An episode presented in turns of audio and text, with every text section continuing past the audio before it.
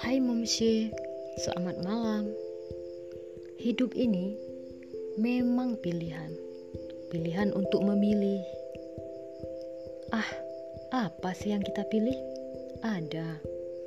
Pilihan untuk tetap berjalan, pilihan untuk tetap diam, pilihan untuk selalu semangat, pilihan untuk tidak diam di tempat.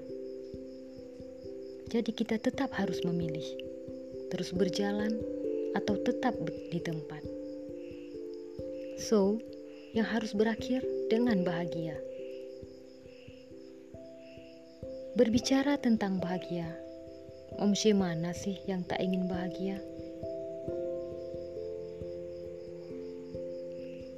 Bahagia itu bukan pilihan. Bahagia itu